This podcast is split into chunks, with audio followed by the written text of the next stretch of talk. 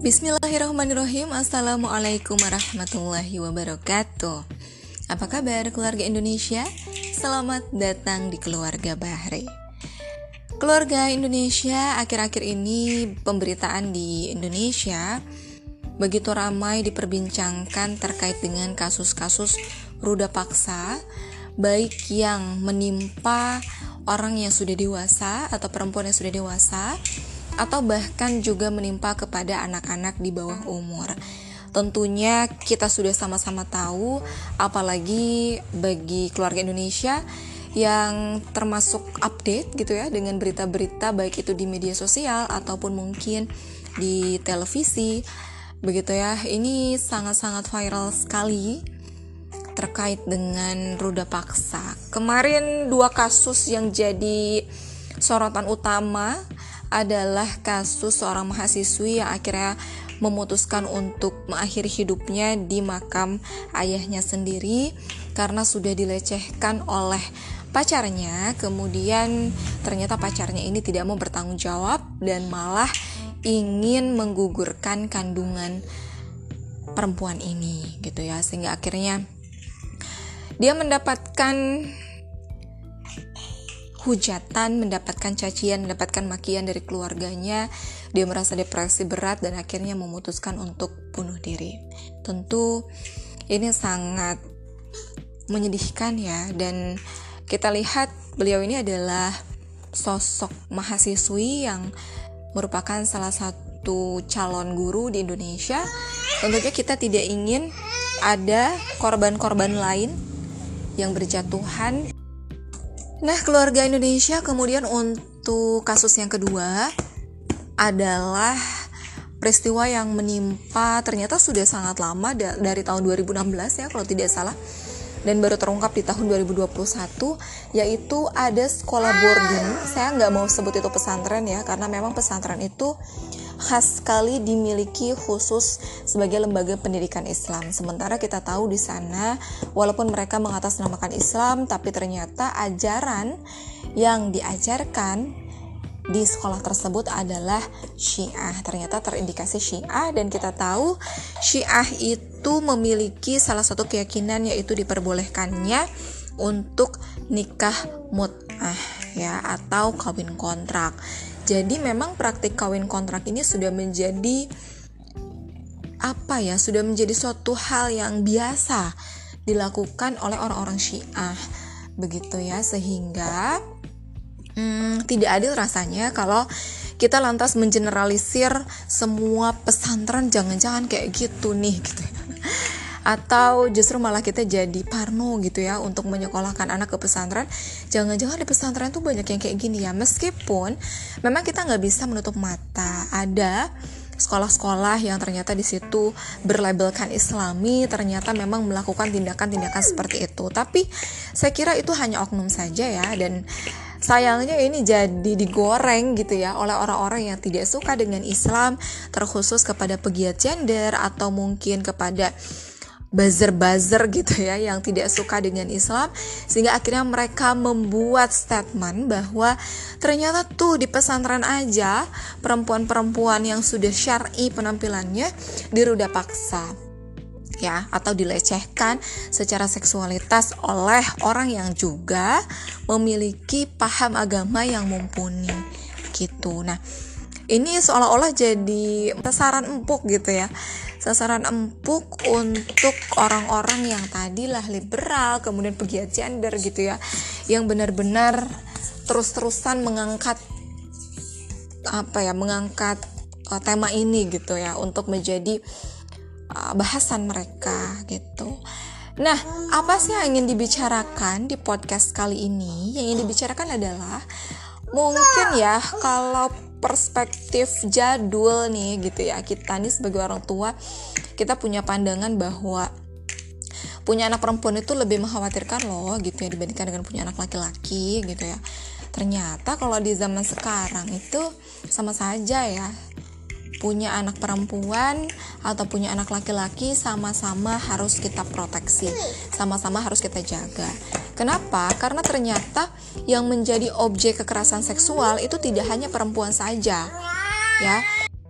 biasanya kalau di zaman dulu itu yang jadi sasaran kekerasan seksual itu adalah perempuan dan pelakunya adalah laki-laki biasanya seperti itu tapi kalau sekarang ternyata bisa saja kebalik ya laki-laki jadi objek kekerasan seksual sementara perempuan yang menjadi pelaku pelecehan. Itu ada.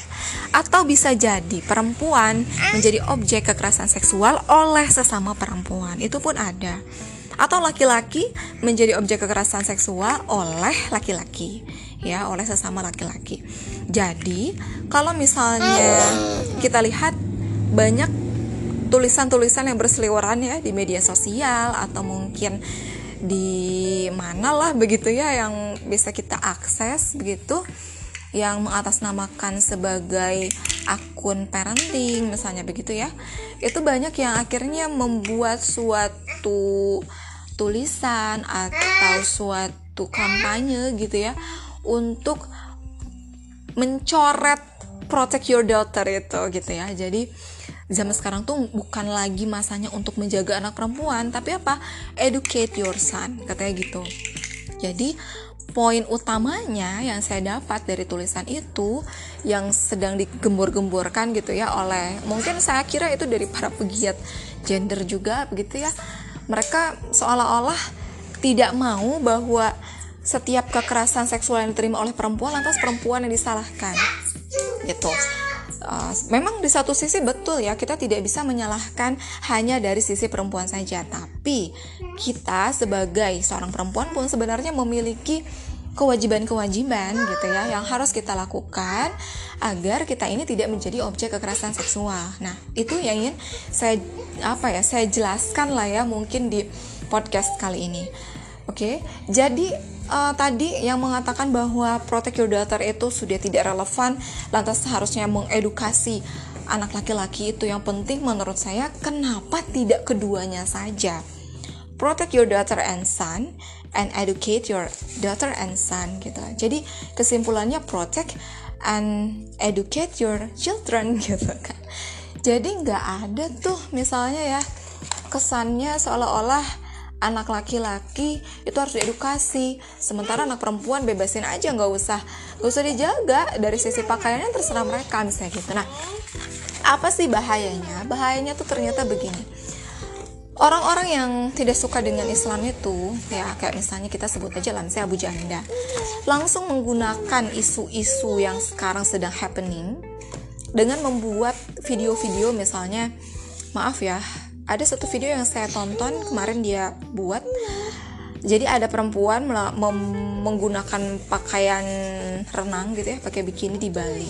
Terus dia bilang di Bali itu pakaian perempuan yang menggunakan pakaian seperti ini tuh banyak tapi mereka nggak diperkosa gitu dia bilang ya. Sementara di pesantren itu otomatis kan santri-santri yang diperkosa itu adalah perempuan-perempuan menggunakan baju syari tapi mereka malah diperkosa gitu kata dia jadi menurut dia tuh nggak usah nyalahin perempuan dengan pakaian seperti apa pun, nggak usah ngurus-ngurusin pakaian orang gitu. Urus aja sama otak kamu biar nggak ngeres gitu. Mungkin untuk orang yang awam begitu ya, atau orang-orang yang senang dengan ide-ide kebebasan, seolah-olah ini benar, padahal tidak seperti itu ya. Maka konsep protect your children and educate your children itu penting ya. Maka dalam hal ini muncullah konsep tar tarbiyah jinsiah atau sex education dengan basis Islam. Jadi Islamic sex education. Apa bedanya sex education antara pemikiran liberal versus Islam?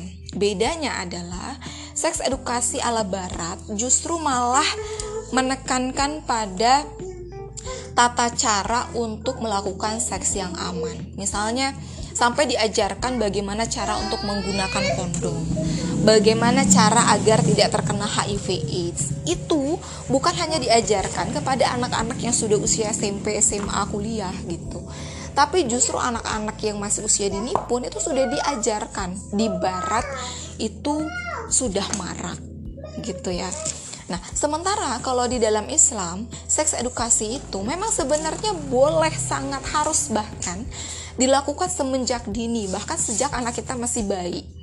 Mulai dari bagaimana seks edukasi di dalam Islam adalah pertama kita kenalkan dari sisi gender sesuai dengan fitrah manusia hanya ada dua yaitu laki-laki dan perempuan maka pergunakan kata-kata yang tepat untuk mengenalkan kepada anak kita terkait dengan gender misalnya ketika anak kita mau diganti popok misalnya gitu ya uh, maaf ya Umi izin ya untuk membuka popoknya dan kita bersihkan penisnya jadi kita nggak perlu mengganti kata penis dengan titit misalnya atau burung begitu.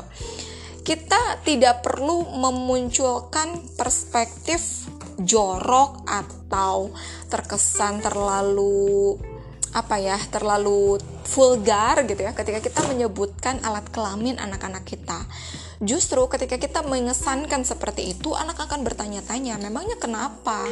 Gitu.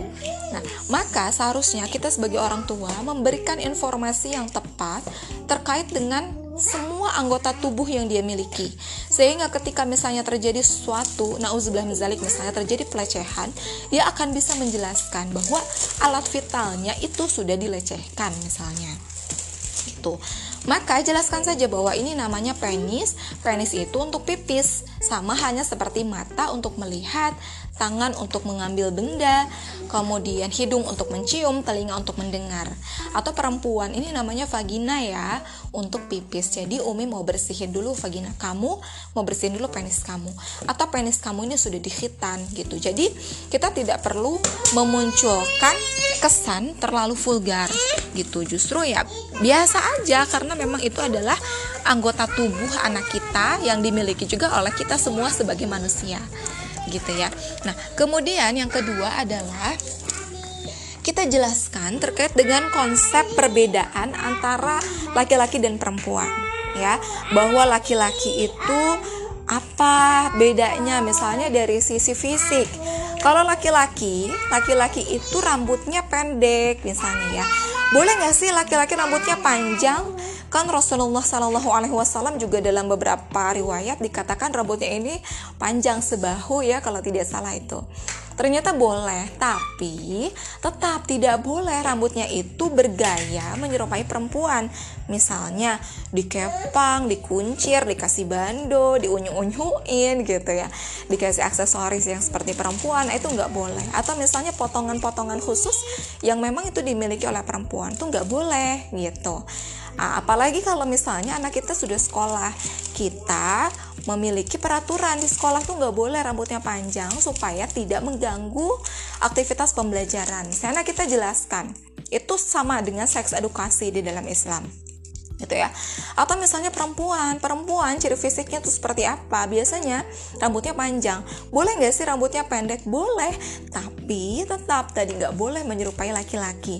Misalnya rambutnya itu dipangkas oh, sampai bener-bener gak kelihatan dia tuh laki-laki atau perempuan. Apalagi kalau dia nggak pakai anting misalnya gitu ya.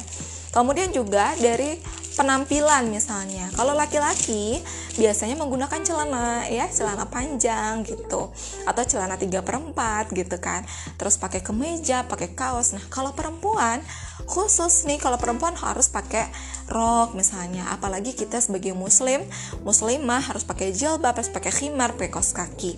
Boleh nggak perempuan pakai celana boleh, tapi itu di dalam rumah. Nah, nanti kita jelaskan terkait dengan konsep-konsep batasan aurat gitu. Kita masuk ke konsep itu.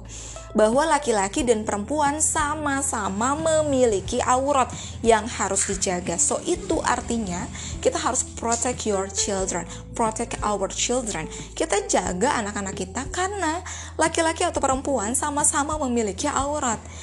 Kita kenalkan laki-laki auratnya adalah dari pusar hingga lutut gitu. Sehingga ketika antum keluar rumah misalnya ya ketika kamu keluar rumah kamu nggak boleh memperlihatkan area pusar hingga lutut kamu karena itu adalah aurat gitu. Tapi misalnya nih boleh nggak aku misalnya pergi keluar rumah nggak pakai baju gitu ya? Tapi celana aku nutupin pusar gitu kan ya sebenarnya dari sisi aurat ya boleh-boleh saja itu sudah menutup aurat tapi kita punya lagi nih aturan berpakaian mana sih yang sopan mana yang layak untuk digunakan apalagi kalau kita sedang beribadah begitu ya. Nah, kemudian kita jelaskan terkait dengan konsep aurat bagi perempuan. Perempuan itu auratnya seluruh tubuh kecuali muka dan telapak tangan. Lantas nanti anak akan bertanya, kenapa sih harus seluruh tubuh kecuali muka dan telapak tangan? Kenapa beda sama laki-laki? Di situ kita jelaskan bahwa perempuan ini ternyata diistimewakan di dalam Islam sehingga auratnya lebih banyak dibandingkan dengan laki-laki. Nah, tapi kita nggak perlu sedih karena ini adalah sebagai salah satu bentuk kasih sayang dari Allah. Maka penting bagi orang tua dan bagi guru untuk menekankan kepada anak-anak bahwa tubuhmu bukan milikmu. Jadi tubuhmu itu nggak ada otoritas terkait dengan tubuh kamu. Kamu nggak punya otoritas sendiri untuk mengatur tubuhmu sendiri. Karena apa? Karena semua yang ada di alam semesta ini, balik lagi ke konsep keimanan, semuanya adalah milik Allah. Allah yang menciptakan, Allah yang mengatur, termasuk dengan apa-apa yang melekat pada diri kita, yaitu tubuh kita sendiri. Ya, walaupun ini adalah milik kita, tapi Allah lah yang benar-benar secara hakikatnya memiliki diri kita maka kita yang diamanahi oleh Allah harus bertanya pada Allah bagaimana cara untuk menjaga diri kita. Begitu. Jadi konsep itu perlu dijelaskan untuk memproteksi anak-anak kita ya dari serangan-serangan yang membahayakan di luar sana. Oke. Kemudian juga selain itu penting bagi kita sebagai orang tua untuk menjelaskan kepada anak terkait dengan perubahan-perubahan yang terjadi.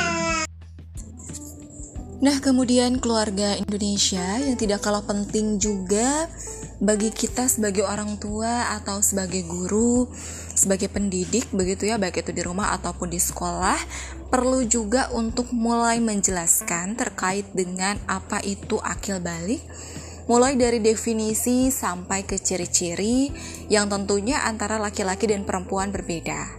Nah, ini juga penting untuk kita sama-sama bahas bersama dengan anak-anak kita agar anak-anak kita mendapatkan informasi yang tepat dan dia tidak mendapatkan justru dari media-media luar yang bisa jadi itu ada hal yang justru keliru ya alih-alih anak kita mendapatkan pendidikan seksual yang benar justru malah dia mendapatkan hal-hal yang tidak boleh untuk dia konsumsi di usianya sekarang. Seperti itu ya.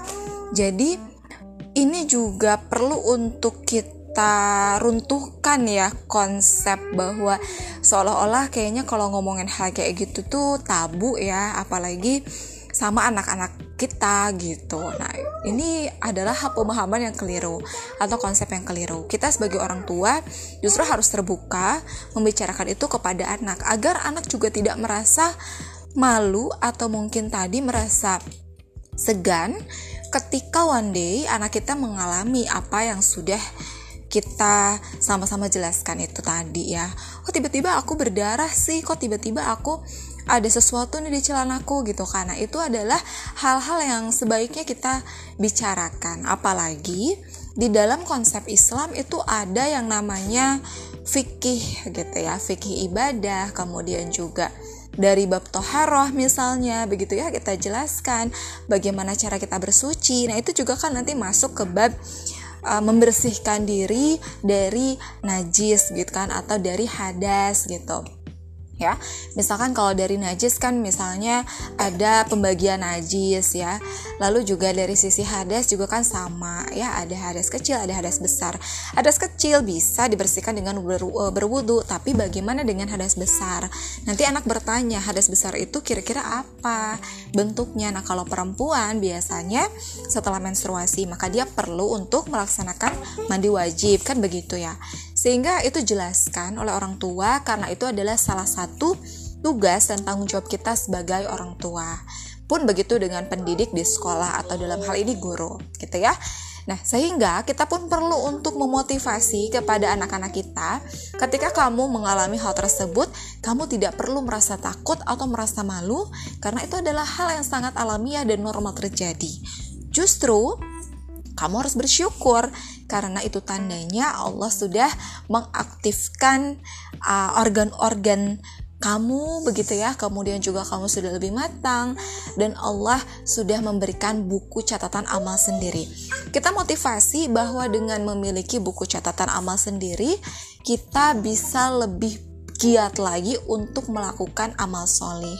Dan kita akan dapat poin atau pahala dari Allah.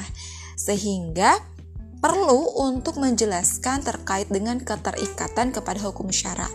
Karena mau tidak mau ketika anak kita sudah mengalami masa atau fase akil balik, ya memang di hadapan Allah dia sudah sama seperti orang dewasa yang lainnya. Meskipun dia mungkin usianya baru 9 tahun atau 10 tahun.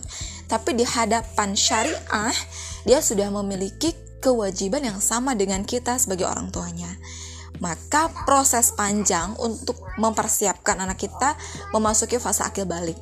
So memang saya setuju bahwa yang namanya sex education harus dilakukan ya dari mulai anak kita masih sangat sangat sangat dini bahkan dari sejak bayi. Ya tentu dengan step by step yang sudah tadi saya jelaskan. Jadi menjelaskan semuanya sesuai dengan fitrah mereka dan kita kembalikan lagi bahwa ini adalah tanda bahwa kita memang makhluk Allah dan harus mau untuk diatur dengan aturan Allah seperti itu. Nah keluarga Indonesia insya Allah dengan cara-cara seperti itu maka mudah-mudahan itu bisa menjadi salah satu langkah preventif atau pencegahan agar tidak ada lagi orang yang menjadi pelaku dari pelecehan ataupun justru menjadi korban dari pelecehan. Maka anak laki-laki dan anak anak-anak perempuan sama-sama harus dijaga, sama-sama harus diproteksi dan juga sama-sama harus diedukasi. Dengan apa? Tentunya dengan Islam karena Islam adalah the way of life, karena Islam adalah jalan keselamatan bagi kita, terkhusus bagi kita semua sebagai seorang muslim dan muslimah. Terima kasih banyak sudah berkunjung ke keluarga Bahri. Semoga apa yang kita sama-sama kaji hari ini bisa bermanfaat. Mohon maaf atas segala kesalahan dan juga kekurangan. Sampai jumpa di episode berikutnya. Walafuminkum wassalamualaikum warahmatullahi wabarakatuh.